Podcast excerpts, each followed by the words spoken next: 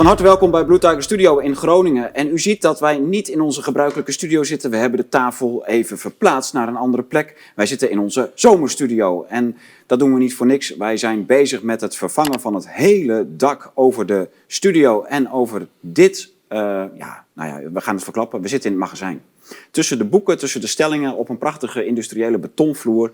En daar hebben we een waanzinnige mooie tijdelijke studio gebouwd. Ik vind het een prachtige plek. Ik hoop dat u het ook mooi gaat vinden. Ik zie u bij de volgende uitzending terug. Maar niet zonder u opgeroepen te hebben om mee te helpen om ons dak te renoveren. En dat kunt u niet doen door een golfplaat te komen brengen, maar wel door een equivalent in euro's te doneren aan de Blauwe Tijger. En daar vindt u, de, de gegevens daarvoor vindt u hier onder dit filmpje. En dan kunnen wij dus de komende maanden het hele dak boven de studio en boven het magazijn helemaal vervangen. En dat doen we nou ja, in recordtempo. En intussen tijd kunt u van deze prachtige plek genieten. Ik vind het echt ongelooflijk mooi.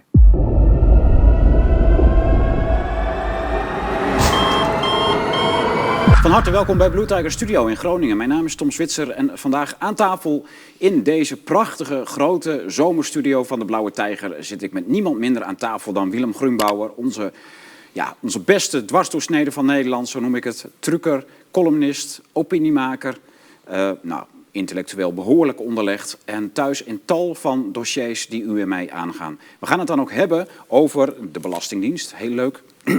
Eh, de oorlogsvergelijkingen rond de vaccinaties, wat heel interessant is. Daar gaat u echt eh, nou, iets eh, van opsteken. We gaan het hebben over milieuverontreiniging en andere linkse thema's. We gaan het hebben over truckersprocessen en de, al het gedoe in de transportsector. Bijvoorbeeld bedrijven die blijkbaar veel meer geld over hebben voor advocaten dan voor hun eigen personeel. En ga zo maar door. Hi, Willem, van harte welkom. Hey, goedemorgen. Vanmiddag is het al, hè? Eh, is het middag? Ja, anders mogen we geen Gelukkig. Anders mogen we geen wijn drinken. Gelukkig. Oké. Proost. Kijk, Zo, nou lekker. lekker man. Ik ben weer terug. Heerlijk, hè? Ja, de fles staat op tafel. Chateau Cambon. Ja, Eh? Ja, de huiswijn die jij ons in de maag gesplitst hebt. Ah, ja, ja. Eh, Van Marie, hè? Waar ik eh, die Ja. een goede dame die kende. De man van degene die met eh, zuivere wijn is begonnen in Frankrijk, Marcel Pierre. En, eh, Hmm. ja, het is een ongelofelijke wijn. Heerlijk. Lekker zacht.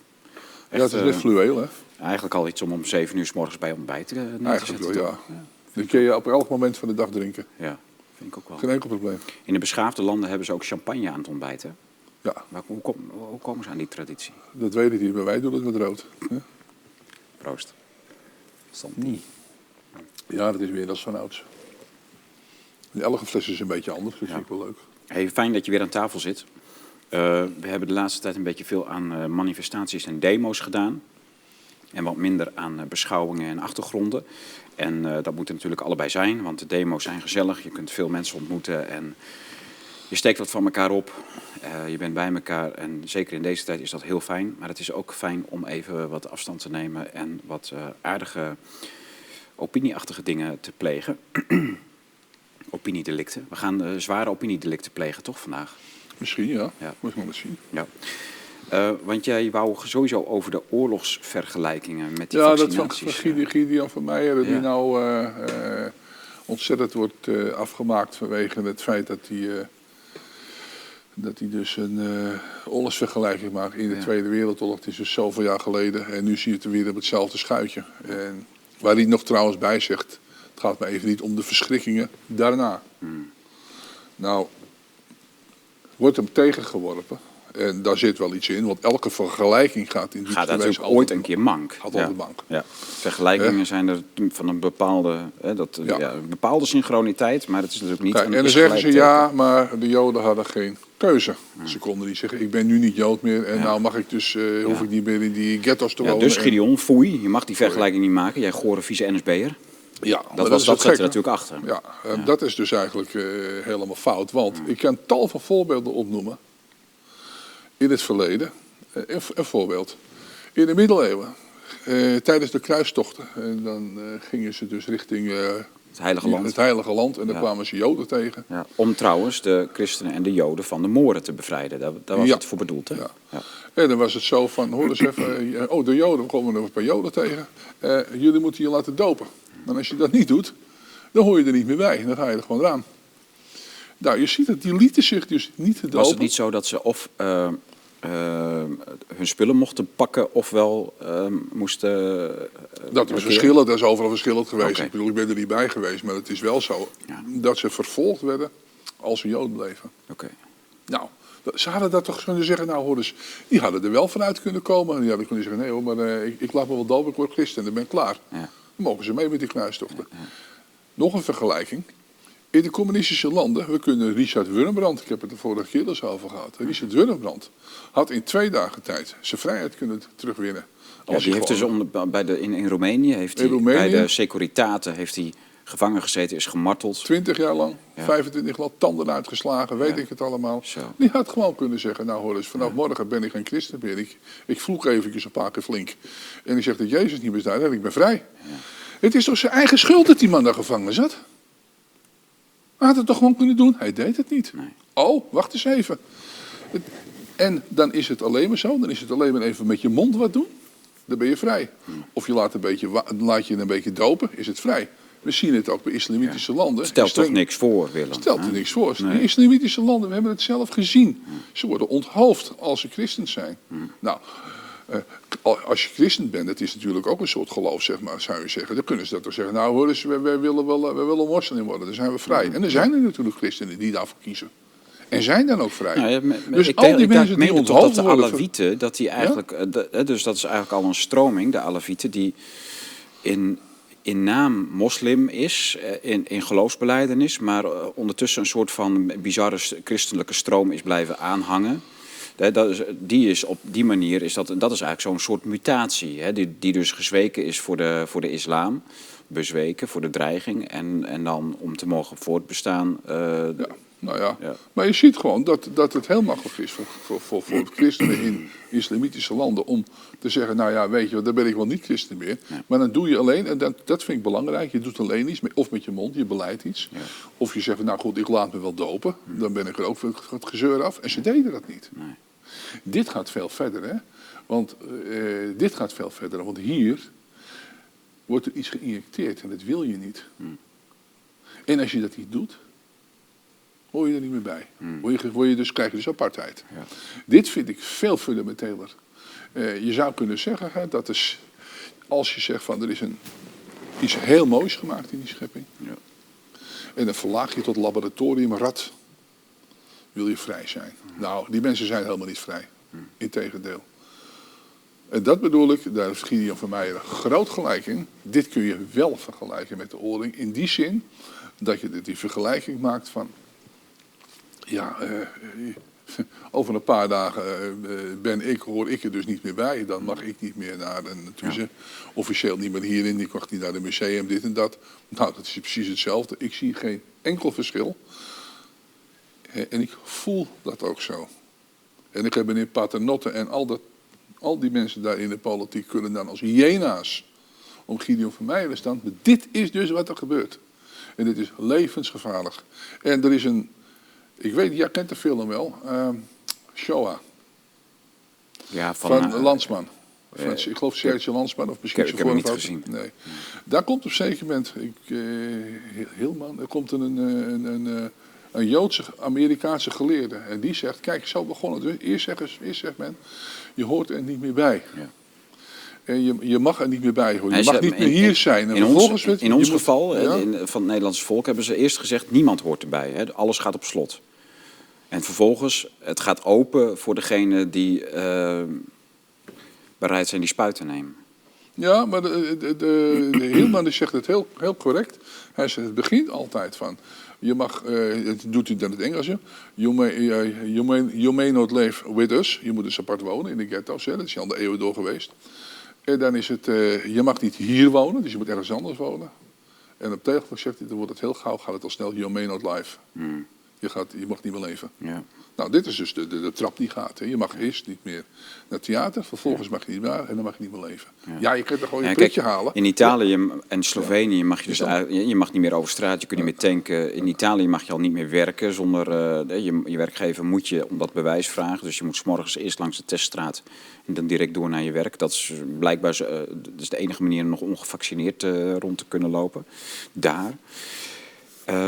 Maar dat, kijk, als je niet meer kunt werken, je kunt niet meer tanken, je kunt niet meer. Dat, kijk, dan, dan houdt het ook wel. eh, ja, ik zou zeggen, het houdt nog niet op. Maar de- dat gaat heel dicht in de buurt komen van je mag niet meer leven. Ja. Nou ja, dat is de praktijk. Ja, En, en de politiek loopt er voor weg. ja. Ik, ik snap ook absoluut niet dat bijvoorbeeld een Gideon van dat niet verdedigd wordt door bijvoorbeeld de ChristenUnie of door het CDA of door de, de SGP. Die zouden beter moeten weten. Mhm. Ze doen het gewoon niet. Ze lullen gewoon mee met, het, eh, met degene die, eh, die de andere kant op kijken. ja, maar dat is natuurlijk. Het is tragisch. Ja, we hebben in Nederland een lange praktijk van eh, vaccinweigering. Dat is in Nederland ook vrij uniek, heb ik begrepen. Dat al eh 200 jaar geleden, dik 200 jaar geleden, dat de eerste pokkenvaccins eh, verplicht werden gesteld. Dus dan kreeg je de pokkenbriefjes. En dat is bij vlagen in de geschiedenis sindsdien teruggekomen. Verplichte pokkenbriefjes voor kinderen voordat ze naar school mochten. Maar daar was vanuit, vanuit de confessionele partijen was er zwaar verzet tegen. En ehm, dat werd altijd om geloofsredenen gedaan. Is dat niet een zwakte? Dat je, is dat omdat je eigenlijk steeds weer terugvlucht in dat geloof en de argumentatie van ja, maar mijn lichaam is een tempel van de Heilige Geest en God wil dit niet. En dat je eigenlijk al niet meer met seculieren op één level kunt argumenteren. Dat je niet inhoudelijk op wetenschappelijk ge- gebied gewoon met eh, eh, Nou, daar zit dus algemene argumenten kan zeggen van jongens, is dit goed of is het niet goed? Daar zit wel wat in. Het frappante vind ik ook dat de, degene die dit vaccin niet willen, Mhm. Niet eens uit, uit, uit, uit orthodoxe kringen komt. Dat valt best wel mee. Ja. Er zijn er wel hoor. Ja. Er zijn er zeker wel. Maar er zijn veel meer de mensen zoals een, eh, de antroposofische, de andere, en zo. de- Zoals Ja. een, eh, Ja. eh, die antivaxbeweging die dat niet willen. Dat is een heel andere categorie die, die zegt, ja maar kijk eens, het is al die jaren dat we dit hebben gedaan. Als je onderzoekt, het is al, al die jaren niet pluis geweest. Ja. En als je dan op zeker moment ook dokter Plotkin hoort, kun je gewoon op, op, op YouTube vinden. Dokter Plotkin, die klip en klaar vertaalt dat eigenlijk alle vaccinaties abortusmateriaal te vinden is. Waarvan je zou zeggen van... Stamcellen en zo. Stamcel, altijd, bij elke vaccinatie, elke kindervaccinatie enzovoorts. En er is ook wel zeker een logica dat het niet kan werken. En, eh, kijk eens, voor mij is een hele boerenlogica. Elk mens is anders. Dus daar kun je nooit één vaccin voor vinden, daar begin je al mee. Hè, want eh, voor de een werkt het wel, de andere werkt niet. Dat heb je met pillen al. Ja. Het tweede punt is dat vroeger had je kinderziektes. Dus eerst werd het eerste kind ziek. Eh, eerste kind, de eerste, eerste kinderziekte, toen werd het kind beter. Dan kreeg je die tweede kinderziekte. Die waren best makkelijk te dragen voor een kind. Die hebben ook een veel betere immuniteit, kun je Ja, opbouwen. ja, die hebben een waanzinnige immu- immuniteit. Ja. Maar wat gebeurde er? Er gebeurde wel eens als de eerste kinderziekte nog niet over was. Begon de tweede kinderziekte. Dat gebeurde wel eens. En dat was echt link. Dat was echt slecht voor het kind. Daar werden ze dood en doodziek van. En konden er ook gewoon overlijden uiteraard. Wat gebeurt er nou met die cocktailprikjes? Spuit vijf ziektes tegelijk in. Ja. Daar iets, iets deugt daar niet aan. Nee. Nou, en dan is er natuurlijk nog iets, zoals mazelen. Daar is, heb ik nu al van gehoord, via mijn zwager die dus ook arts is. Hij zegt, als je daar vaccinaties tegen neemt, die werken voor 20 jaar. Maar daarna niet meer. Als je het op een natuurlijke wijze krijgt, dan is je hele leven ben je eh, immuun.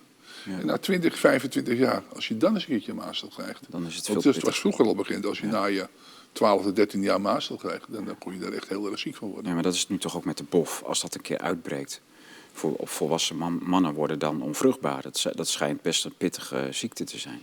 Nou ja, er zijn heel veel dingen natuurlijk. Eh, Kijk, ik denk dat de bedoeling om die vaccinaties uit te vinden en om daar een, eh, een, een, eh, iets mee te doen, eh, dat, dat, best, eh, dat er best wel nobele argumenten achter zouden kunnen zitten. Hoewel ik me later eh, heb laten vertellen dat als je dan naar de grafieken kijkt, dat men altijd het laatste gedeelte van de neemt. Kijk, hier ben ik begonnen met inenten. Je ziet allemaal de kinderstellen te zakken. Ja, ja. En als je naar het echte grafiek kijkt, die begint daar. Ja. Maar hier gebeurde dat men hygiënisch is gaan leven. Ja, die grafieken heb ik ook gezien. Ja, Dus dat dat, zeg eh, ik, ja, daar zijn, daar zijn best wel dingen op af te het, dingen. het polio-virus, of de poliovirus waar wij in de, in de jaren 50 heel erg onder geleden hebben.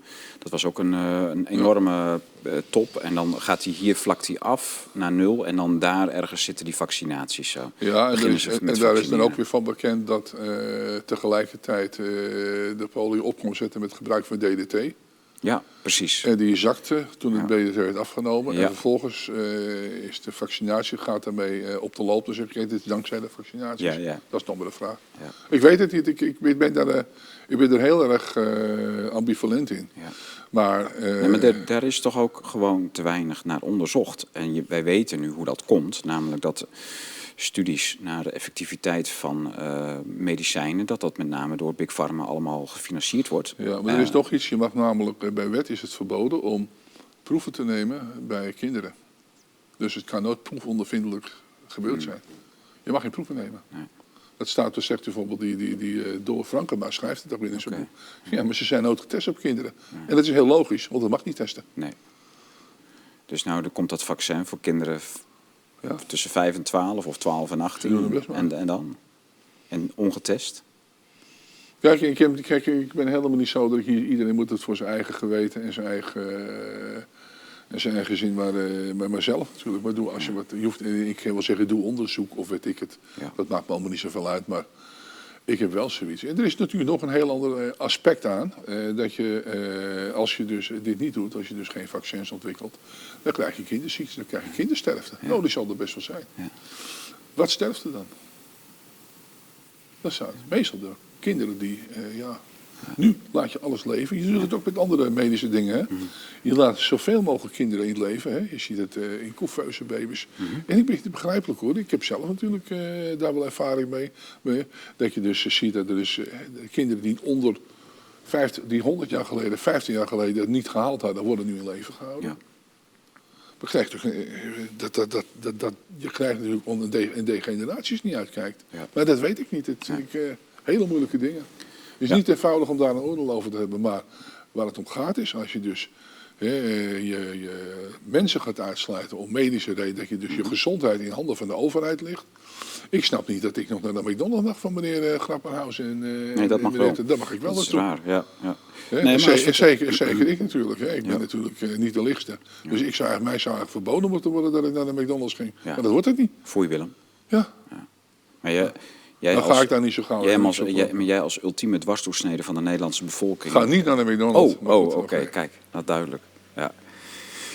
Goed. Eh, ja, wij, eh, jij hebt weer zo'n mooi jasje aan. Deze heb ik nog niet gezien. Oh, dat is, eh, dat is ja, nee, ik, je weet, ik rij altijd in de, ik rij heel vaak in de lelijke eend.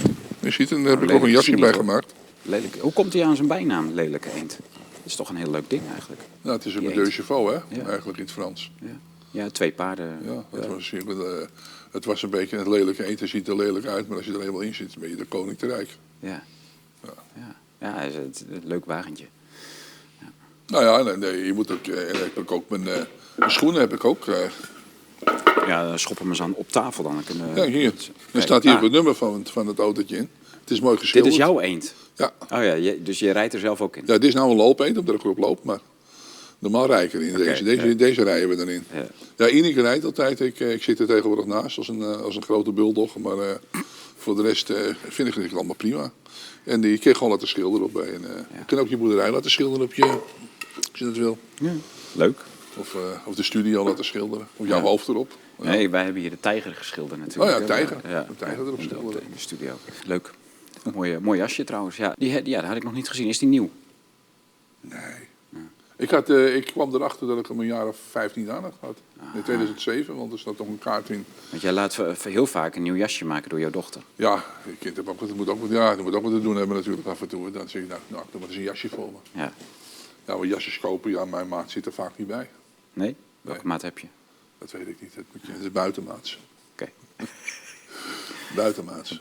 Kijk, prachtig. Nou, dat is natuurlijk, eh, ja, dat, dat, dat, dat, dat, dat, dat ik weet niet wat het... eh, ik vind die vergelijking prima die er gemaakt wordt. Ja, ja. En ik vind dat die daarop afgerekend wordt, is eigenlijk schandalig. Eigenlijk moeten die mensen gewoon eens denken, ga eens op de inhoud in. Ga eens op de inhoud in, dit gebeurt dus gewoon.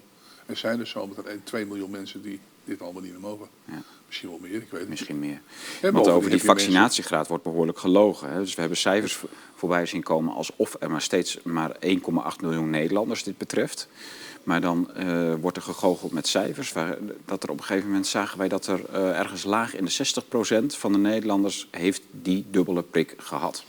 Ik doe er geen uitspraak Nee, over, maar dan heb je het over, dan, dan heb je het over heel wat meer dan 1,8 miljoen. Dan Ja, maar waar het waar het mij om gaat is dat je dus... eh, als zou ik voor of... Ik ben helemaal niet voor of tegen die prikken, maar, laat mij met rust. Ik, ik, ik maak het zelf wel uit. Hmm. Ja. Ik ben volwassen genoeg om te weten hoeveel hamburgers ik bij de McDonald's mag eten en hoeveel niet. En wat slecht voor me is of niet. Ja.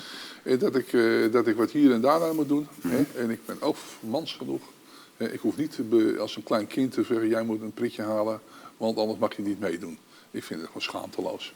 Ik vind het ook een schending van de vrijheid, inderdaad. Ja. Hier is de overheid niet voor. Nee. Nee, ehm, en dan hebben we nu nog eh, hebben we het aantal sterftecijfers. Dat hebben wij vorige week even vergeleken. Het schijnt dus, nee, het schijnt niet zo. Het is zo dat de officiële sterftecijfers in eh, dit jaar, sinds de vaccinaties, eigenlijk stelselmatig hoog boven die van vorig jaar liggen en het jaar daarvoor. Het jaar daarvoor. Ehm, en dat dat een beetje zo om en om per week verschilt. Maar dat eigenlijk eh, de, de lage weken is vergelijkbaar met de voorgaande jaren. En de pieken, de vele pieken die er in de sterftecijfers van dit jaar zitten, zitten er echt boven. En dan gaat het om uh, uh, ja, zo'n 10 procent, dus zo'n 300 per week meer dan gebruikelijk in Nederland. Of 400 of 500 al gelang naar het zomer of winter is. Maar het is zo'n ongeveer 10 procent. En dat is, dat is echt heel veel. Uh, en terwijl vorig jaar was het een vrij gebruikelijke zomer qua overlijdens. Uh, er was nog geen vaccin. Er was de eerste golf was net voorbij van corona. Die hadden we dan in het einde, van de winter, kwam, brak die uit in maart. En april, nou ja, laat het in mei over zijn geweest. Maar die hele zomer was er niks aan de hand qua oversterfte. En dat is dat is een ongelooflijk serieus iets. Hè? Dat we dus te, maken hebben met een grove oversterfte voor het eerst sinds jaren. En het mag niet aan die vaccinaties liggen. Nee, het is wel heel merkwaardig dat ik een paar. Er zijn, er zijn een paar hele vreemde dingen aan de hand. Als iemand in het ziekenhuis belandt die dubbel gevaccineerd is. En het is binnen 14 dagen na de vaccinatie overlijdt. Is hij niet aan vaccinatie overleden? Ja. Per definitie niet. Nee. Want, is de redenering dan, die vaccinaties beginnen pas te werken na 14 dagen.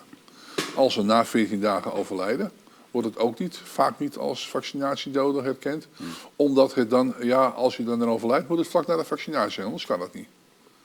Nou, op die manier kun je natuurlijk elke drogredenering recht praten. Ja, maar ze hebben zo'n kwartiertje hebben ze ingeruimd, toch? Dat je moet blijven ja, zitten. Ja, maar ook als, het dus, uh, als je dus zes weken later ergens last van krijgt. Ja. En ik ken heel veel gevallen van uh, onder andere uh, evenwichtstoornis, weet ik het. Ja, dingen met van, je ogen, reflexen, bloedpropjes mensen die dus plotseling een beroerte krijgen. Ja.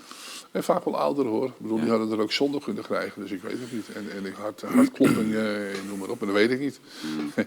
ik, uh, ik wens ze allemaal veel succes. Ja. Dat maakt mij allemaal niet uit. En ook dat uh, kanker versnelt. De kanker, ja. Ik, ja. Wij, wij kennen iemand die is ook overleden en die plotseling natuurlijk achteraf... Ja, en dan blijkt achteraf dat hij toch wel iets had en ja, dan wordt het natuurlijk daarna geweten.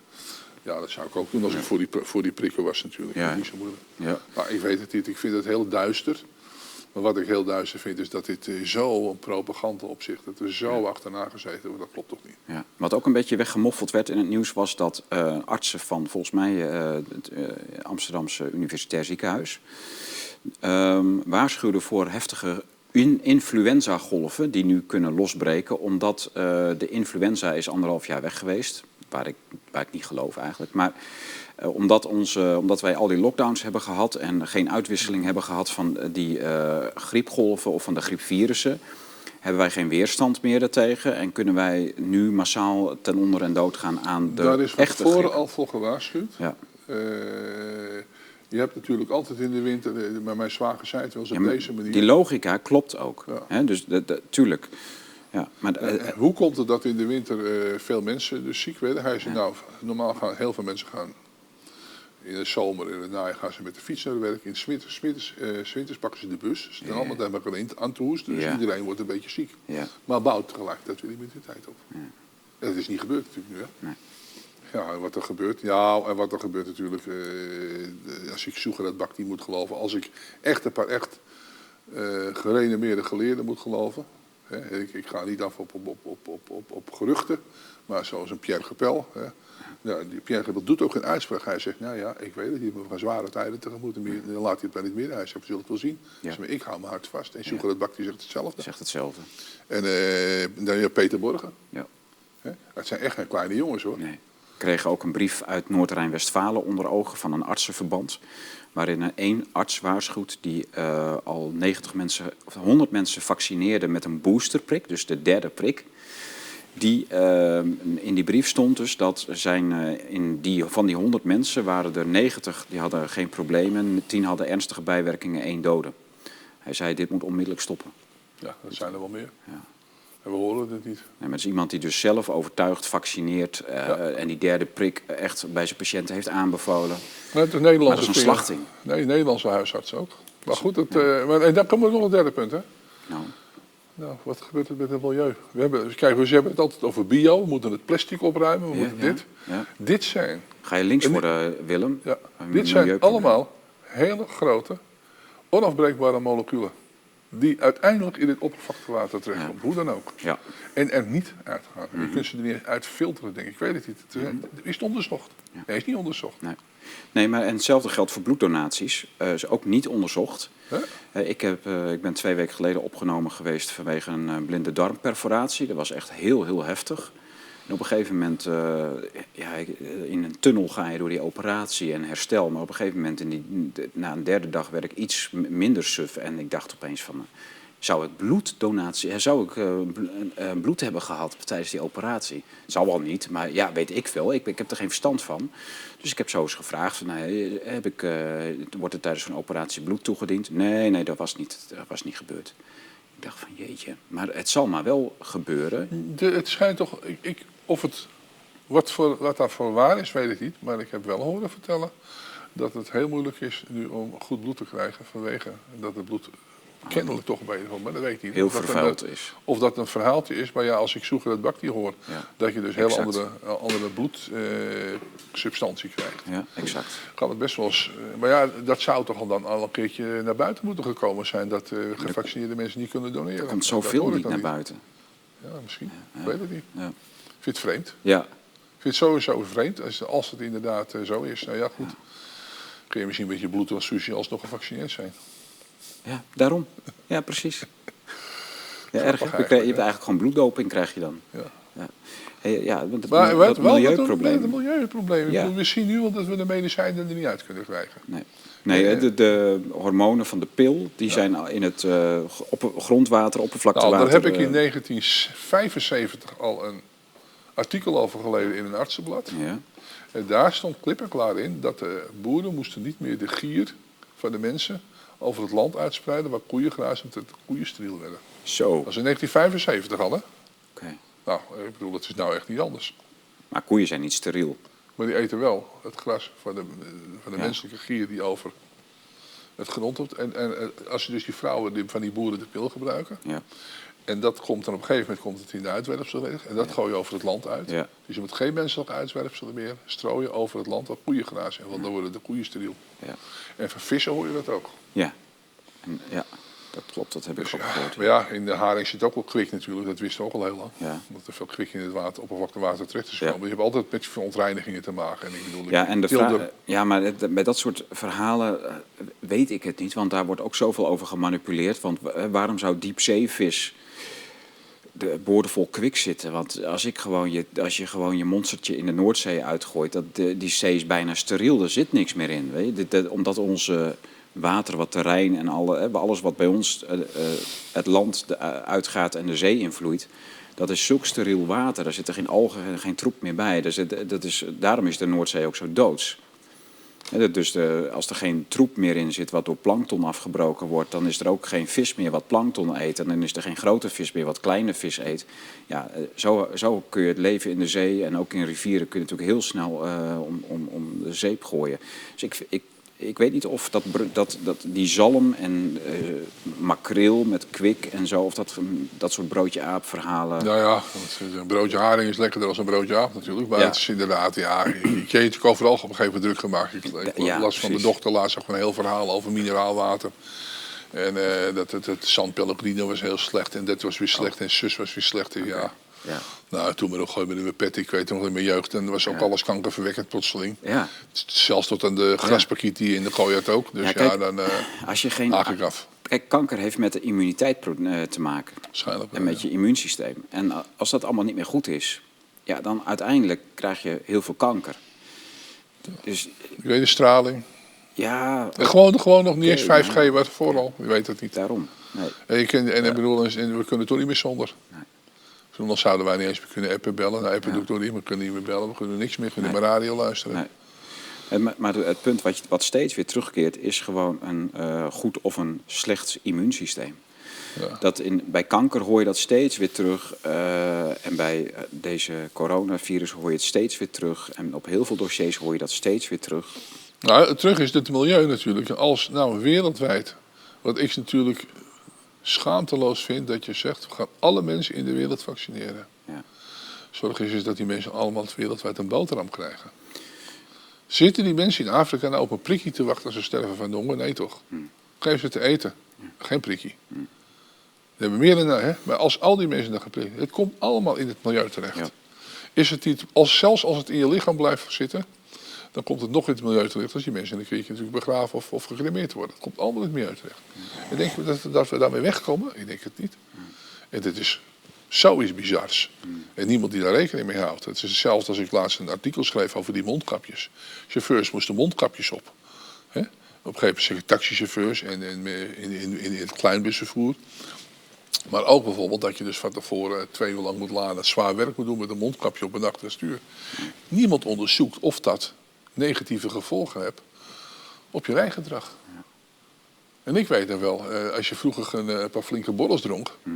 Hè, eh, Zullen dan we- reed je- zullen we nog bijschenken? Ja, dan, dan, dan, dan dronk je. Dan dronk je ik, ik, heb, ik heb er wel naast gestaan, het is niet eens heel lang geleden. Dank je. Dat er een chauffeur was en die had. en die had. die moest wachten op de douanepapieren toen nog, uit in Italië. En die eh, nam eh, eh, ah, vier, vijf koffies met een flinke borrel erbij.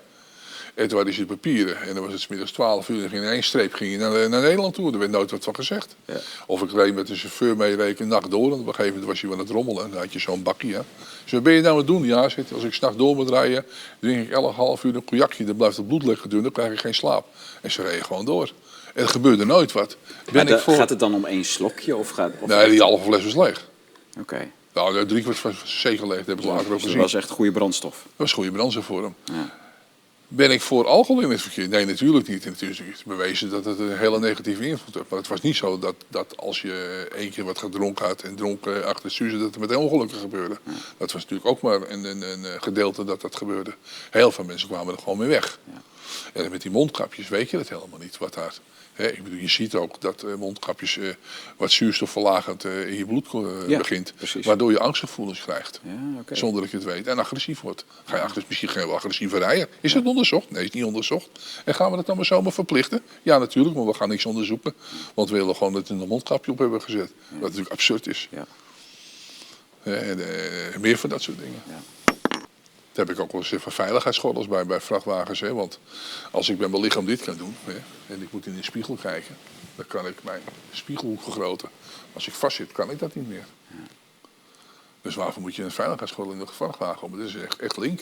Ik denk dat het zelfs helemaal niet... eh, Ja, die dode hoek. eh ja, thema, dat, je veel natuurlijk- meer kijkt hebt ja. op die dode hoek op die Ja. manier. Nee, je wordt vastgezet en dan zeggen ze, ja, er gebeuren zoveel ongelukken in de dode hoek. Ja, als, als ik niet meer met mijn lichaam heen en weer kan bewegen en goed Ja. in die dode hoek kan kijken. Ja. En eh, nou ja, dat wordt dan natuurlijk ook natuurlijk eh, gezegd dat het onzin is wat ik zeg, maar ik denk dat je dat het waar is. Hmm. En dan zijn er wel zo, ja, dan, dan, dan, doe ik dat god zo omdat ik dat wel ga doen. Ja, dan ken je goed geen oorlog om doen. Het gaat bij het principe dat Ja. jij, als je dat soort wetgeving maakt. Ja.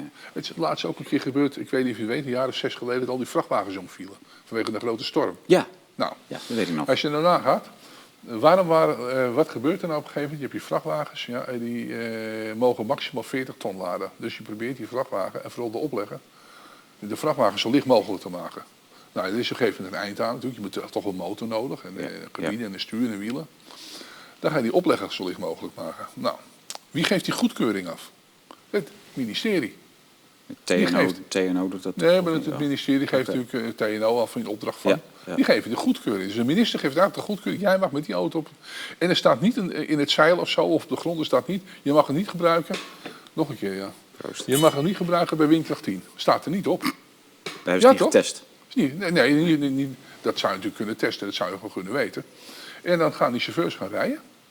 En dan waaien ze om. En dan zegt meneer, de minister zegt al, je bent wel een, je bent wel een oetlul als je met zo'n ding gaat. Dan zegt de minister, hè? Ja. Je bent wel met zo'n ding gaat op de weg op gaat. Ja. Ik heb er niks over te zeggen. Ik word door mijn baas de weg opgestuurd.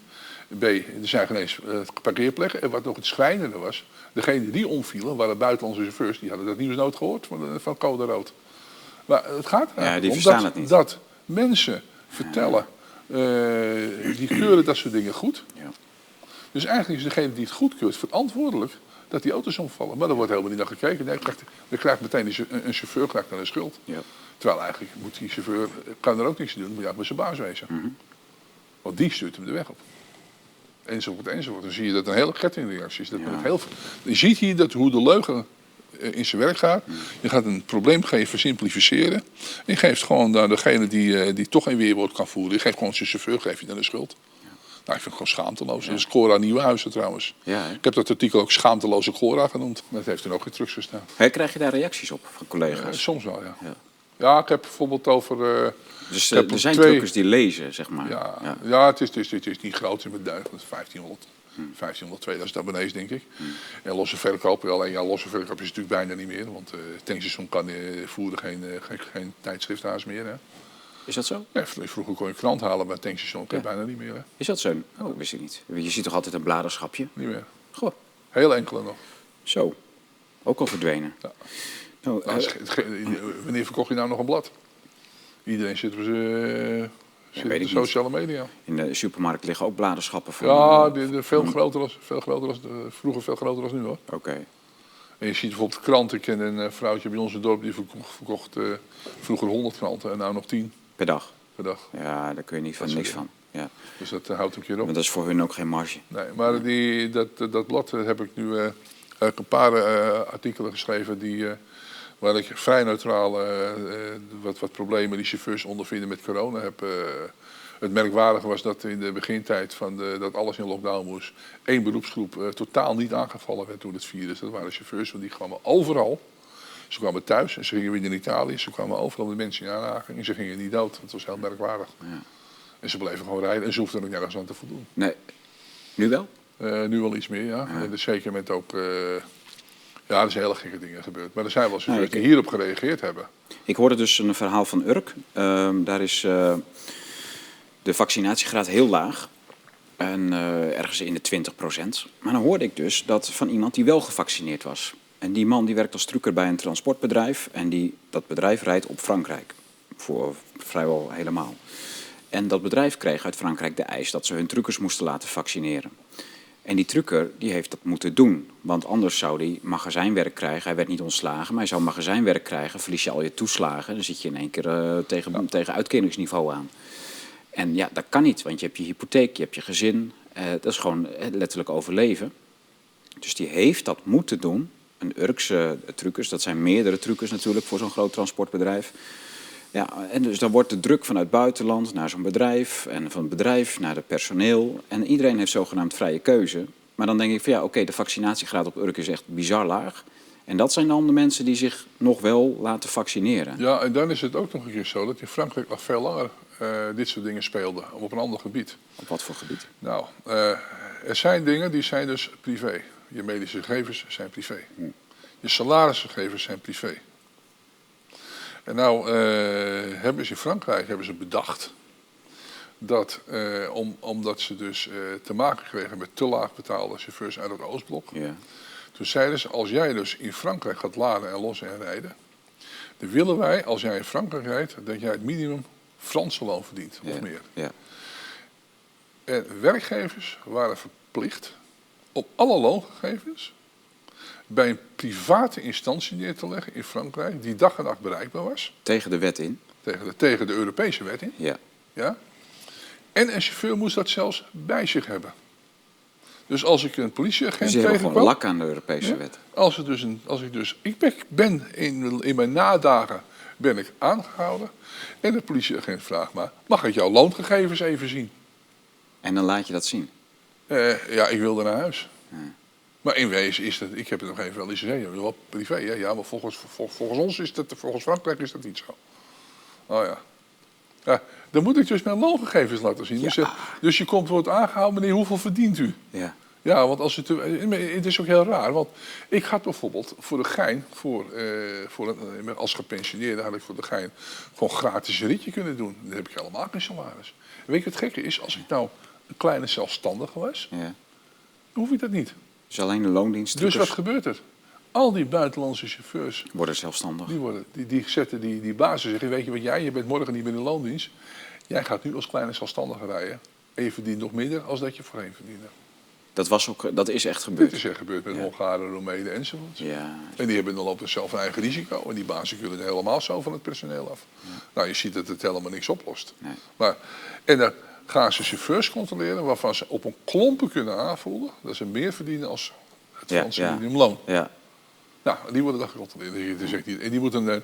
Je mag een werkgever. Ik heb er zelfs een proces tegen mijn ja werkgever. maar dan zouden, als ze dat niet zouden doen, dan zouden ze etnisch profileren. Dat is natuurlijk verschrikkelijk. Ja, maar ik heb als zelfs ze tegen- Roemenen ja. gaan aanhouden waarvan ze weten dat het Roemenen zijn. Ik heb een eh, proces tegen mijn werkgever nog gevoerd. eh, in, in samenspraak met hem min of meer.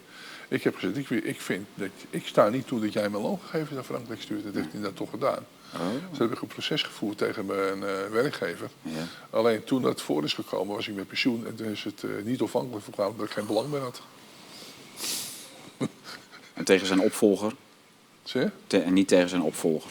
Nou ja, goed, ik, ik was met pensioen en ik had er geen belang meer bij. En ik dacht, ja, toen maar.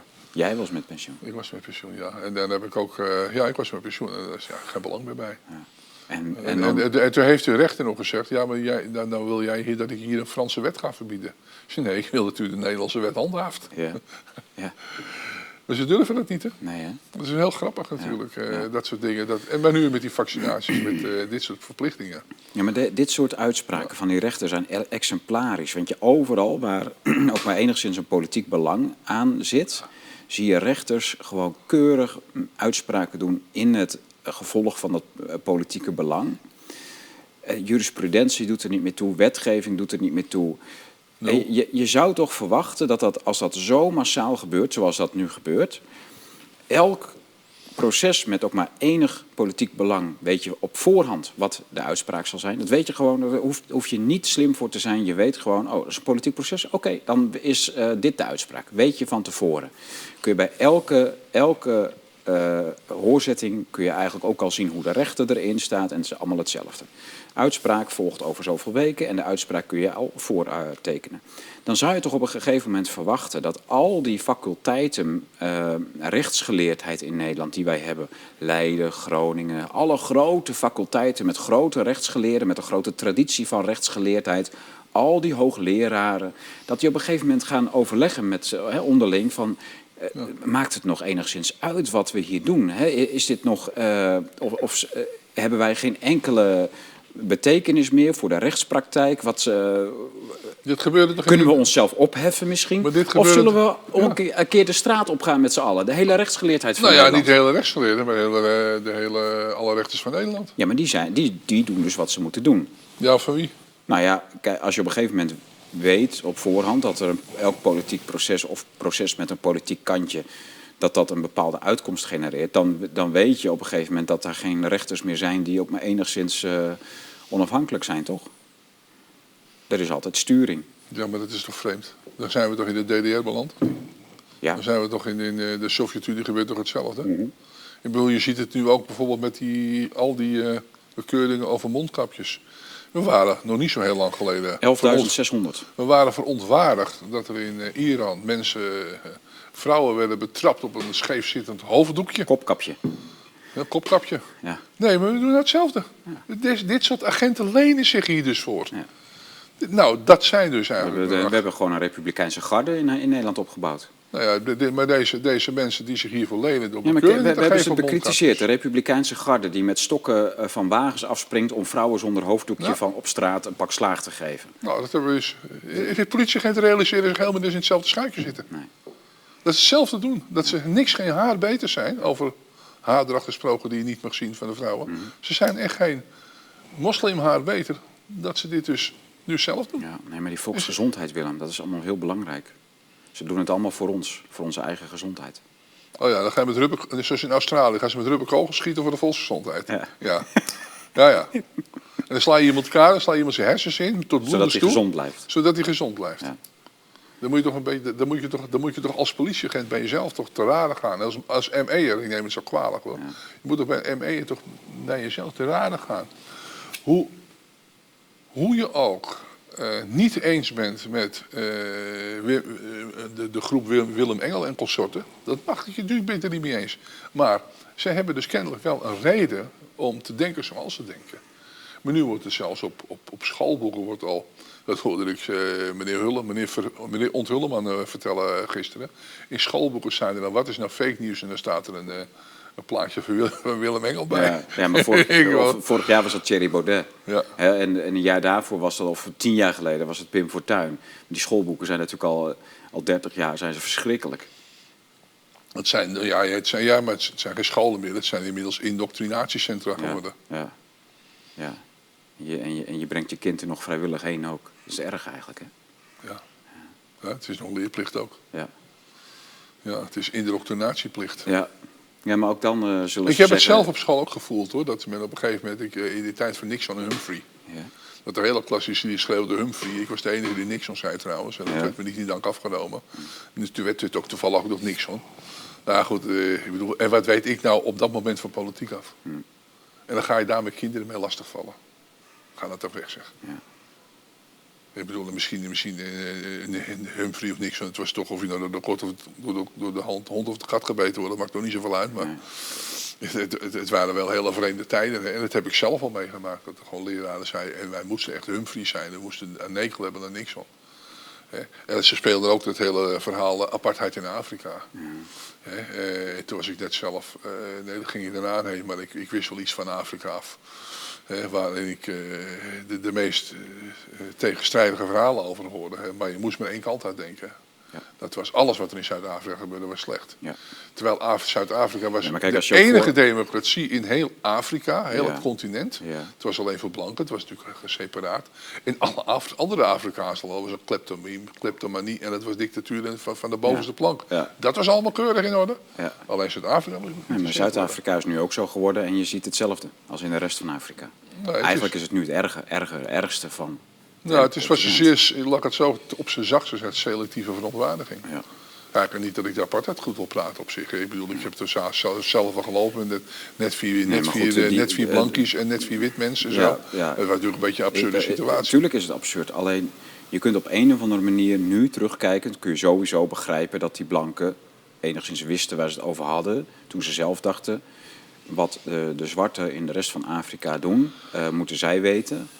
Maar wij houden het hier even zo. Het krankzinnige was dat juist heel veel mensen uit buiten de Afrikaanse grens juist Zuid-Afrika in wilden komen. Omdat, daar, omdat ze zo goed hadden. Vreemd. Oké. Heel veel, dat, dat was gewoon een probleem aan het worden. Ja. Net zoals eh, wij hier nu de vluchtelingen, de vluchtelingen op ons eh, binnenkrijgen. Ja.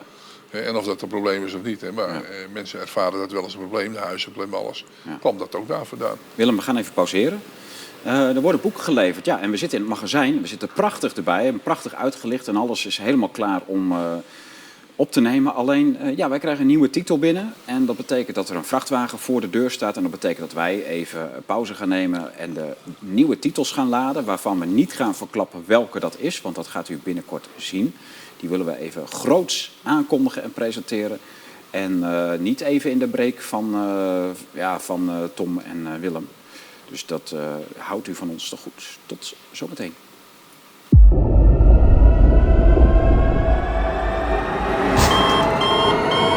Pandemie van de angst van Kees van der Pijl is ook verschenen. Gepresenteerd in de Blauwe Tijger Studio met Kees van der Pijl en Karel van Wolveren.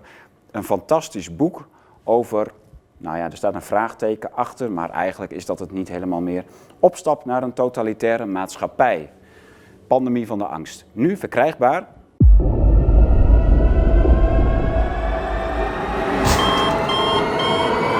harte welkom bij Blue Tiger Studio in Groningen. Eh, we zijn weer terug na de break. Eh, dat was even nodig omdat er eh, nieuwe boeken geleverd werden. En pallets met boeken kwamen binnen en daar gaan we binnenkort u even heel blij mee maken. Dat is een hele, een hele leuke titel en ik ga nog niet verklappen welke dat is. Dus dat hoort u binnenkort. Ja, dan, eh, dat was even de onderbreking van deze talkshow. En dat kan, want we zitten in het magazijn in een nieuwe zomerstudio. En die is tijdelijk. Dat gaan we wel elke zomer herhalen, omdat we daar veel publiek bij kunnen doen. Want het is heel groot hier, dus we kunnen u dan ook uitnodigen. En dat is heel leuk. Dan kunnen we met een hapje en een drankje en een middagje gezelligheid en leuke gasten en een leuk onderwerp een hele mooie tijd hebben met elkaar. En om dat te doen, ja, wij zijn dus bezig om ons dak te vernieuwen. Het hele dak boven dit magazijn en boven de studio, de grote studio, die gaat er eh, helemaal af, wordt geïsoleerd en vervangen en eh, wordt helemaal nieuw. En daar hebben we uw hulp bij gehad en hebben nog een heel klein beetje uw hulp bij nodig. We hebben prachtige donaties van u gehad en we hebben zelf ongelooflijk veel bij elkaar gewerkt uit de boeken en uw bestellingen. Is dat allemaal gekomen, dat hebben we uh, dus allemaal bij elkaar gelegd en daar kan dat dak van vernieuwd worden. Mocht u nog dat kleine beetje wat we nog nodig hebben uh, meehelpen doneren, dan heel graag. De link vindt u hieronder. U kunt dat, uh, daar een, een, bedrag naar overmaken van ja, wat u zelf wil natuurlijk. Daar zijn we heel blij mee en heel dankbaar voor. Nou, dan gaan we weer terug naar uh, Willem Groenbouwer en onze trucker, opiniemaker, columnist en frequente gast aan deze tafel. Willem. Hey, goeiedag. Zo. Het is weer dorstig weer, hè? Ja, nou, dat, dat, dan hebben we dat gehad. Ja. Dan kunnen we gewoon weer door. En ja, wat over die transport is natuurlijk wel. Ik heb nou een, er komt nou een artikeltje van me aan over ja. Van de Bos, een, een, transportbedrijf in Nederland. Ja. En er zijn er veel meer hoor. Die van Transport en Logistiek Nederland, dat is de werkgeversorganisatie, die heeft een aantal jaren geleden een boek uitgebracht met de titel Succesvol uitvlaggen. Mm. Dus moet je nagaan. Uh, die gaat dus vertellen hoe transportbedrijven uh, hun vloot, hun transportvloot, op een ordentelijke manier, op de mogelijke manier kunnen uitvlaggen naar Roemenië, Bulgarije. Ja, daar hebben we het al vaker over gehad. Ja, ja en, en ja. Hongarije. Ja. Nou, op een gegeven moment is daar natuurlijk uh, sprake van een zekere schijnconstructie. En dan moet je nagaan, die, toen die Oost-Europese landen erbij kwamen, is er al voor gewaarschuwd van denken, wat gaan jullie nou doen eh, als dit soort dingen gaan gebeuren? In Oost, eh, ik heb het idee dat dit bewust beleid is geweest van Brussel. De transportsector moet naar het oosten, ja. dat is goedkoper. Ja. Als dat goedkopere transport er is, kunnen we tol heffen in Duitsland, in Nederland, in Frank nou, Frankrijk was natuurlijk al op autosnelwegen tol. Ja. Dan kunnen we tol heffen in België. Is ook allemaal gebeurd. Uh, want er is eigenlijk is die tol die er nou geheven werd, is dan eigenlijk een soortje achterstallig salaris van de chauffeur.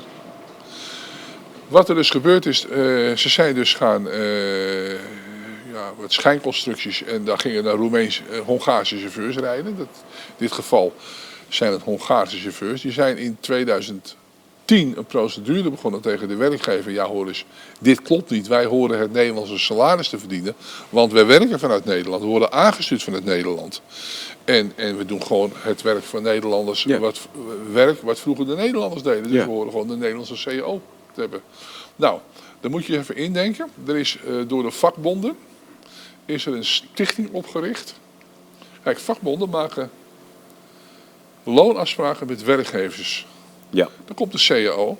Die CAO wordt algemeen verbindend verklaard. Dan zou je denken, als er een, een van die werkgevers zich niet in de CAO houdt, dan moet zijn vakbond kunnen ingrijpen. Ja. Nou, kunnen ze kennelijk niet, of ze willen dat niet. Ze dan doen gaan niks. ze dat doen. Ze Dan doen helemaal die- niks. Dan heeft de FNV heeft dan een stichting opgericht, Ja. betaald door alle chauffeurs, via een, elke chauffeur draagt een paar euro per maand een soapfonds bij. Ja. Daar gaat 50 miljoen per jaar in zitten. Dat is wel behoorlijk wat. waarvan 25% rechtstreeks gaat naar vakbonden en eh, werkgeversorganisatie. Ja. Je begrijpt dat eh, bij de verdeling van die sooppot zitten dan werkgevers en werknemers, dus vakbonden en werkgevers bij elkaar. Dus dan moeten ze goede vriendjes met elkaar blijven. Ja. En bij de loononderhandelingen zijn ze dan zogenaamde tegenstanders. Ja, ja, ja, ja. Maar goed, dat, En betaald door de chauffeurs allemaal. en, dat, en, en werkgevers ook. Ja. Oh, die betalen ook. Die betalen allemaal mee. Oké. Dan gaat 40 miljoen, 45 miljoen er zitten, komt ESF-subsidie bij enzovoort. Zo. Maar dan hebben ze dus, dan moet je ook gaan hoe, hoe, hoe gemeen het is, dan hebben ze met dat geld, Ja. wat dus niet van het FNV is, heeft het FNV de stichting opgericht, naleving CAO beroepsgoederenvervoer. Een aparte stichting, dat elke chauffeur, die kan daar terecht als de CAO niet wordt nageleefd. Als hij vindt dat de CAO niet wordt nageleefd. En dan zegt de krant, dan zeggen heel veel nieuws, dat is het nalevingsorgaan van het FNV. Nee, het is een nalevingsorgaan, dat klopt, maar dat is niet van het FNV. Die heeft alleen die stichting opgericht. En daarbij ook nog in de statuten staat dat alleen maar FNV-bestuurders daar zitting in mogen nemen. Maar het wordt gewoon betaald door de chauffeurs. Alleen de statuten zijn, wat dat betreft, idioot dat daar natuurlijk in die statuten staat, er mogen alleen FNV. En dan lijkt het net of het van het FNV is, maar dat is het dus niet. Het is een zelfstandige stichting. En de F- FNV heeft er geen cent aan bijgedragen. Geen cent. Nou, die stichting, daar, zijn er werkelijk bij mensen in. Dan komen daar eh, klachten binnen van die Hongaarse chauffeurs. En dan gaat die FNV gaat een procedure beginnen. Ja. En de FNV is een grote organisatie. Waar haalt hij zijn advocaat vandaan? Bij Ellen Overy. Die eigenlijk alleen maar voor het groot kapitaal werkt. Ja. We, de mensen horen nu een eh, trekker achter het huis langs eh, rijden. Die, eh, ja, we zitten op een boerenerf, dus Ja, dat, dan eh, heb je dat hoor wel je- eens, hè? dan hoor je de tractoren Ja, en alles. is, eh, hoor je. wij hebben, de een heeft een beetje house muziek achter zich en Ja. wij hebben gewoon een trekkende ja, muziek. Dan, en, en meslucht. en Heerlijk. Westlucht, ja, vooral in de... Lekker. Maar, Maar goed, die, ga door. die, Ellen gaat dus, die, die, die gaat dus naar Ellen over, die halen daar de advocatenkantoren. Die is eerst al drie jaar, vanaf 2010, al drie jaar bezig om de eerste competitie voor elkaar te krijgen. Dus de eerste. Daar ben ik bij geweest trouwens. Ik ben bij de competitie geweest die het, eh, die, die stichting had tegen, de, tegen het transportbedrijf. Het grappige was dat het transportbedrijf natuurlijk ook advocaten heeft. En, en daar komt een hele discussie op gang. Nou denk je, nou drie jaar, dan moet het toch over vier jaar, vijf jaar wel een klein eindoordeel zijn. Nee, het eindoordeel is gekomen in 2021. Dus die chauffeur heeft elf jaar moeten wachten op de uitslag. De werkgevers hebben dus, liever geven ze tienduizenden euro's uit aan een advocaat dan dan duizenden euro's aan de werkgevers. Dat is eigenlijk wel de praktijk. Een van de Hongaren is nou overleden. Dus die hebt er geen baat meer bij. Dat was een van degenen die Een het van degenen, tien Hongaren, er zijn nog negen Hongaren over. Ja? En dan hebben we na tien jaar, dik tien jaar, is er dan een uitspraak dat ze inderdaad, ze horen de Nederlandse CO te krijgen. Dat geldt alleen Ja, voor deze zijn- negen Ik Hongaren. wou zeggen, dan zijn al die Hongaren en Polen en Roemenen nee, zijn super alleen voor deze negen. Nou, Want elke constructie zit weer iets anders in elkaar, dus daar kan een andere uitkomst van komen. Nou, er is nog een transportbedrijf op het Ja. ogenblik. Dat Ja. is nu ook gelijk met Roemeense chauffeurs. Is, hebben de Roemenen ook gelijk gekregen na een heleboel jaren. Nou, die gaat natuurlijk eerst het vonnis bestuderen, dat bedrijf. dat bedrijf. Ja. Dan gaan we misschien eens een keertje in beroep, dus je kunt nog langer wachten. Nou, maar is het nou recht als je tien jaar lang moet wachten totdat je een uitspraak hebt? En wat was die uitspraak? Dat ze horen inderdaad het Nederlandse CO te krijgen. Vervolgens zegt het zo, ja, maar dan moeten we een rechtszaak gaan voeren van... Hoe hoog was dat Nederlandse CO dan? En welk CO moeten we dan toepassen? Die van Nou, tien dan jaar geleden of die van nu. Dan gaat het ook weer twee jaar, eh, gaat ook weer twee jaar nodig voordat het een gietje voor elkaar is. Nou, vervolgens zijn we 12, 13 jaar verder. En dan heb je kans dat die, dat die chauffeurs ja, of dood zijn of ze krijgen Het is ook wat. allemaal hetzelfde, hè? die belastingtoeslagen, s- schandalen.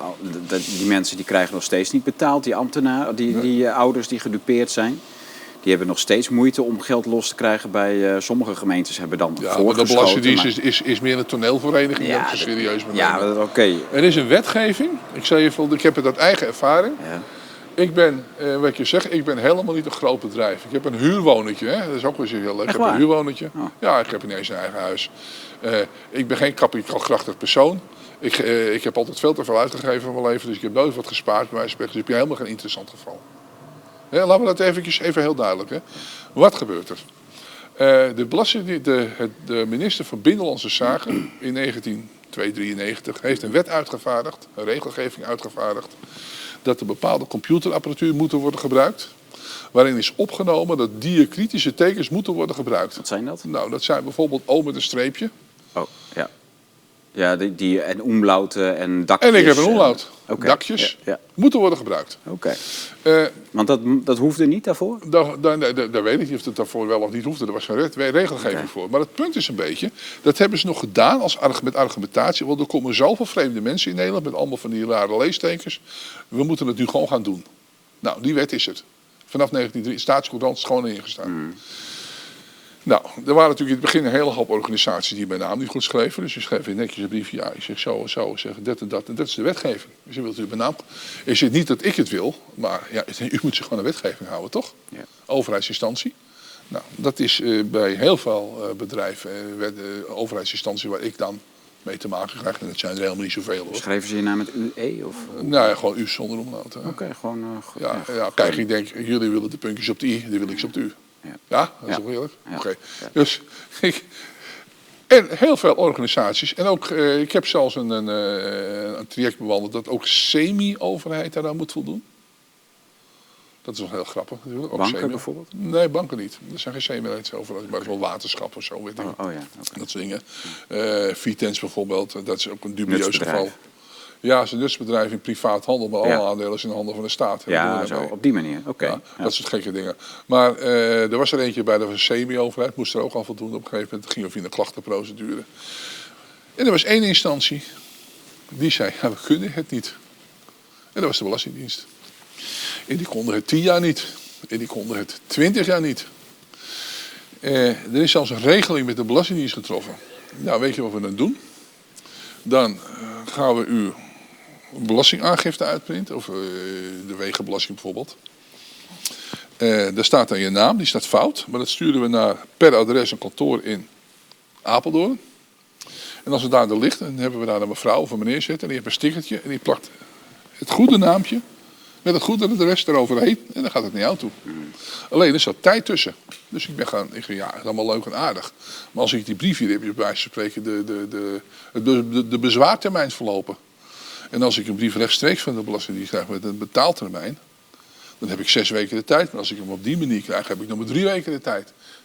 En toen is er ook destijds al overleg geweest. Je moet wel die datum gaan aanpassen. Nou, dat is een poosje goed gegaan. Dan gaat er daar een eh, leidinggevende ambtenaar weg en dan gaat het weer fout. Dus er gingen heel veel dingen fout. Er is mediation geweest, ik zou je het besparen, maar het is te gek voor woorden wat er gebeurd is in het verleden. Veel. Mediation, omdat je een, omlaut niet op je Nou, mediation inderdaad. En toen kwam ik bij de mediation. Dan hadden ze precies die ambtenaren uitgenodigd waar ik een klacht tegen had. Dus Ja. ik ben gelijk de mediation Oh, die ging dat even mediëren. Die, die Ja, ging toen ben ik ook weggehaald. Die zei, nou kijk, er staat hier die mediation. Dat de, degene waar de klachten tegen zijn, er niet bij mogen zijn. En die staan, zit hier nu gewoon bij. Dus ik heb toen gezegd, ik kap de mediation af. Er is nog een nieuwe mediation geweest. En vervolgens heeft in de mediation is alles wat er gezegd wordt, is onder geheimhoudingsplicht. Vervolgens gaat die Belastingdienst uit de mediation rapport, als het hun te pas komt, eh, argumenten gebruiken om tegen mij te gebruiken. Dus ze schenden ook nog eens een gehe- geheimhoudingsplicht. Nee. Doet de Belastingdienst gewoon. Zitten ze absoluut niet bij. Nee. Maar dan komt het gekke. Eh, ik krijg op een gegeven moment een tip van iemand. En zeg ik ken iemand. En zeg het hele verhaal. Dat zegt jouw omlaut niet kunnen plaatsen is flauwekul. Ik zeg hoezo? Ik zeg dat kunnen ze wel. Hij zegt ik zal ervoor zorgen dat hij erop komt. Niks zeggen zegt hij. Nou en ik op een gegeven moment wist ik dat. Dus ik had die sticker. Dus ik krijg die brief nog steeds een sticker. En haal het stickertje weg. Hé, hey, daar staat hij. Niks zeggen. Toen ben ik voor een, eh, ik ben een rechtszaak geweest, een belastingrechtszaak in Arnhem. Ja. En ik vertel het verhaal. Ik zeg, eh, ja, zegt hij meneer, maar dat kunnen ze helemaal niet. Dus ja, dat kunnen jullie wel. Ik zeg, en ik heb daar bewijs voor. Dus ik trek het stikje, kijk eens op mevrouw de rechter, kijk eens, dan halen we nu het stickertje weg, het staat daar. Ja, hoe laat? Ik zeg, kijk, ze kunnen het dus wel, maar ze willen niet. Ze willen het gewoon niet. En dat wist ik. Dus ze Dus- hebben ook dus tegen een, mij gezegd, Dus een burger ze die met een klacht komt, Ze dan willen- gaan ze gewoon met de hak in het zand, Ja, net zo Totdat ik het voor elkaar heb dat iemand anders buiten. En er is een enorme angstcultuur bij de Belastingdienst. Oké. Hij durft ook niet naar buiten te treden. Dus hem, hier ziet we het bewijs. En de meneer die er zat, was, die, die, die kan je ook niet kwalijk nemen, dat was de inspecteur. Ja, ik, ik, ik snap dit ook niet. Ik, ben niet verbaasd over. Ik, ik snap dit ook niet. Vervolgens komen ze met een heel oude hoerverhaal van... ja, nee, we waren met een pilot bezig weet ik het allemaal. Totale onzin. Maar, nou komt het gekke. eh, Het, het komt er in de, hierop neer dat mijn naam nu eindelijk na, 25, na, na 30 jaar goed geschreven staat bij de Belastingdienst. Dus ik kon voor het eerst digitaal aangifte doen. Nou, hè hè. Jongen, jongen, jongen, jongen. Nou, dan zie ik achter de computer digitaal aangifte doen. Ja. Eerste bladzijde, tweede bladzijde, dan komt een blauw vakje. Ik weet niet eens wat erop staat. Die klikt erop, uitgelogd. Weer via DigiD inloggen, hetzelfde verhaal. Nou, belastingtelefoon. Nou, probeert u dit, probeert u dat, probeert u zus, probeert u zo. Hetzelfde verhaal. Ja, wat doe je dan? Eh, ik is op een andere, andere browser. Ander IP-adres. Steeds hetzelfde verhaal. Ik heb met mensen die er echt sjoegen van hebben. Nou, als je het een keer vergeet, dus dat is, eh dan zit je bij de belastingdienst fout. Is oké. Dus ik eh, daar ook een brief over schrijven, weet ik het allemaal over schrijven. Ja. Eh, ik heb daar een eh, screenshot ook van u toegestuurd. Dus dit zie ik op mijn computer. Screenshot erbij. Dus het ligt dus bij jullie. Krijg je op een gegeven moment een verhaal. Dat is dan een, een eh, klachtencoördinator. Die overigens bleek achteraf geen klachten gaan coördineren. Oh. Want dan kan alleen maar zijn klachten coördineren in zijn beperkte gebiedje. Ja. Maar als ik je tegen andere Dat blauwe vakje, dat viel daar niet onder. Nou, nou nee, nee. Dat, dat, dat, eh, er waren nog andere dingen aan de hand. Maar daar kon hij dan niet op coördineren. Maar stond er dan bij dat blauwe vakje niet de naam van de juiste klachtencoördinator Nee, nee, nee, betrek- nee. die betrekking heeft op dat blauwe vakje? Maar ik moest op een gegeven moment komen. Hij zei, kom maar even bij mij, dan gaan wij het wel even samen invullen. Ik zei, dat ga je niet lukken. Hij zei, want het ligt bij jullie. Ik, toch moet je dus naar Arnhem rijden. Ik Vanuit. Woudenberg. Ja, moet je nagaan. Dan kom je bij zo'n plekje scherm terecht tegenwoordig. Waar Ja. drie ambtenaren, drie aapjes achter zitten. Ja. Geen ambtenaren, maar aapjes. Die zitten dan achter zo'n schermpje. Ja, ik zeg, ik moet wel inloggen, dus ik heb wel... eh, nou, dat gaat er heel ingewikkeld. Eh, Ja, je- snoer onder het, het raam door. Oh, En, echt? eh, ja, ja, ja, ja. Het is corona. Het is- Pas ik- op de protocollen. Willem. Ja, denk erom, want Ja. ze vallen zo dood neer met die Ja, corona. ja. Nou, ik netjes invullen, inloggen, invullen, eerste keer twee, pang, klaar. Nou, nog een keer wat anders proberen, nog een paar andere dingetjes, iedere keer hetzelfde. Ja, ja, ja, zegt die vent. Nou, zegt die vent, zal ik maar een screenshot maken? En daar zit je had dan mijn screenshot kunnen gebruiken. Ik zeg, je, je staat er gewoon volledig voor aap. Dat je mij hiervoor naar Arnhem laat komen, terwijl ik je al een screenshot heb Heb je gestuurd. factuur gestuurd ook? Nou, ik ben dus weggegaan. En vervolgens krijg ik een brief dat ik uitstel, dat mijn uitstel wordt verleend tot het doen van aangifte. Ik zeg, hou eens even, jij verleent me helemaal geen uitstel. Ik bepaal hier nou even de gang van zaken. Ik zeg tegen jullie, jullie krijgen tot 15 september de tijd om te zorgen dat ik aangifte ga doen. En anders krijg je gewoon 100 euro per dag als eh dwangsom. Dwangsom, echt? Ja, dat heb ik gewoon geschreven. Ja. Krijgt 100 euro per dag dwangsom van mij. Ja. Als je niet zorgt dat ik voor 15 september aangifte, digitaal aangifte kan doen. Dat die fout er niet meer in zit. Het moet toch een fluitje van een cent zijn om zo'n foutje eruit te halen. Het is drie maanden geleden. Ja. Er gebeurt gewoon niks. Nee.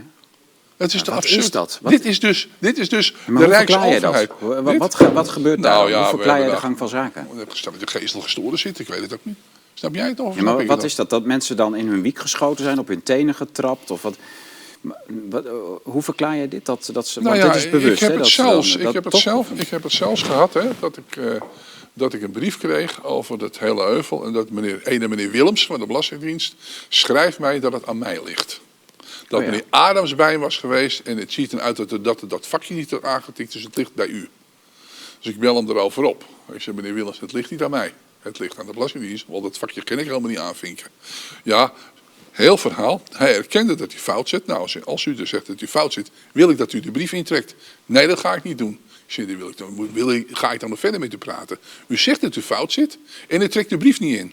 Nou, dan zit er nog een mevrouw van Argel. Het zit allemaal gewoon tuig van de richel die de burger het leven niks anders dan zuur willen maken. Omdat hun eigen straatje continu aan het schoonmaken zijn. En het is hetzelfde met die meneer de klachtencoördinator. Ik ben gelukkig zijn naam vergeten. Ja, die op een gegeven moment tegen mij zegt, hoor eens eventjes, eh, jij moet, eh, ik kan alleen maar coördineren hier. Dus ik zeg, ja, maar zeg, want er gebeurde in die tijd nog wat. Ik had eh, een aangifte van 2018, zo lang al. Want ik moet natuurlijk papieren, dat gaat om heel lang duren. Die had ik namelijk netjes ingevuld, weet ik het. En er was er een klein bedragje over 600 euro, waar ik het niet mee eens. Het werd gelegen door loon en dat was onkosten. Eh, En daar was ik het niet mee eens, dus ik schrijf een bezwaarschrift. Ik krijg bij die belastingaangifte een rekening van 1300 euro, die ik gewoon betaal. Maar omdat ik hier bezwaar ga, krijg ik dus uitstel van betaling die 1300 euro die ik al betaald heb. Ja, ja. Ja. Een week later krijg ik een rekening over hetzelfde jaar van 1900 euro. Het is dus helemaal geen uitstel. Nee, ik, krijg niet, ik moest 1300 euro Ja, betalen. plus 600. Nee, ik krijg een rekening van 9 1300 euro. Die Ja. heb ik betaald. Ja, Ik maak bezwaar tegen 600 euro. Dat kan hooguit 200 euro belasting zijn. oké. Ja. En vervolgens krijg ik een rekening van 1900 euro over hetzelfde jaar. Terwijl ik 1300 euro als eindbedrag betaald heb. Hoe kan die 1900 euro vandaan? Is nog tot vandaag vandaag geen antwoord op gegeven. Gewoon geen antwoord geven, ja, dat kan ook. Ja. Nee, nee. En vervolgens krijg je nog een keer een briefje van degene die mijn bezwaar gaan behandelen. Die gaat niet het bezwaar behandelen. Die gaat mijn hele aangifte behandelen. Of ik alle bonnetjes weer inlever. Voor de giften bijvoorbeeld. Onder andere de blauwe tijger. Of ze allerlei eh, dingen. Ik zeg meneer, ik zeg, die heeft u al. Ik zeg maar ik snap het niet dat u al die dingen vraagt. Want die heeft u al. Dus u gaat mijn hele aangifte opnieuw behandelen. Dan wordt niet op gereageerd. Ik heb er een klacht over geschreven, wordt niet op gereageerd. Vervolgens krijg je weer een briefje. Als er nu binnen twee dagen de dingen zijn, dan gaan we u afhandelen als zijn dat die bonnetjes niet waren geleverd. Maar overleef je dit soort dingen wel? Eh, Ik geniet ervan. Echt waar? Ja, ik ben een masochist, want ik ben een belastingmasochist lijkt wel. Ik denk, dit is gewoon krankzinnig. Krankzinnig, ja, en dan heb ik ja. het dus over iemand Ja. die in een huurhuisje woont, met pensioen is, geen enkele andere inkomsten heeft. En totaal nutteloos voor de Belastingdienst is. Ja. Zeg, waar ga je, waar zijn? Terwijl ik weet dat er in de hogere kringen bij de Belastingdienst, dat weet ik het zeer betrouwbare bron, zijn er dus grote bedrijven die een, eigenlijk aangeslagen worden door 4, 5 miljoen euro. Door, de- door, een, eh, door een inspecteur of zo. Waar op een gegeven moment dan eh, krijgen ze wat moeilijkheden. Het is een beetje een populair bedrijf. Dan gaat er iemand even tussen, gaat het glad strijken. Nou, zegt hij, en dan wordt gewoon die 5 miljoen gewoon kwijtgescholden. En dan gaan ze het gewoon zeggen, nou moet je het volgende keer maar beter doen. Dan gaat geen enkel probleem.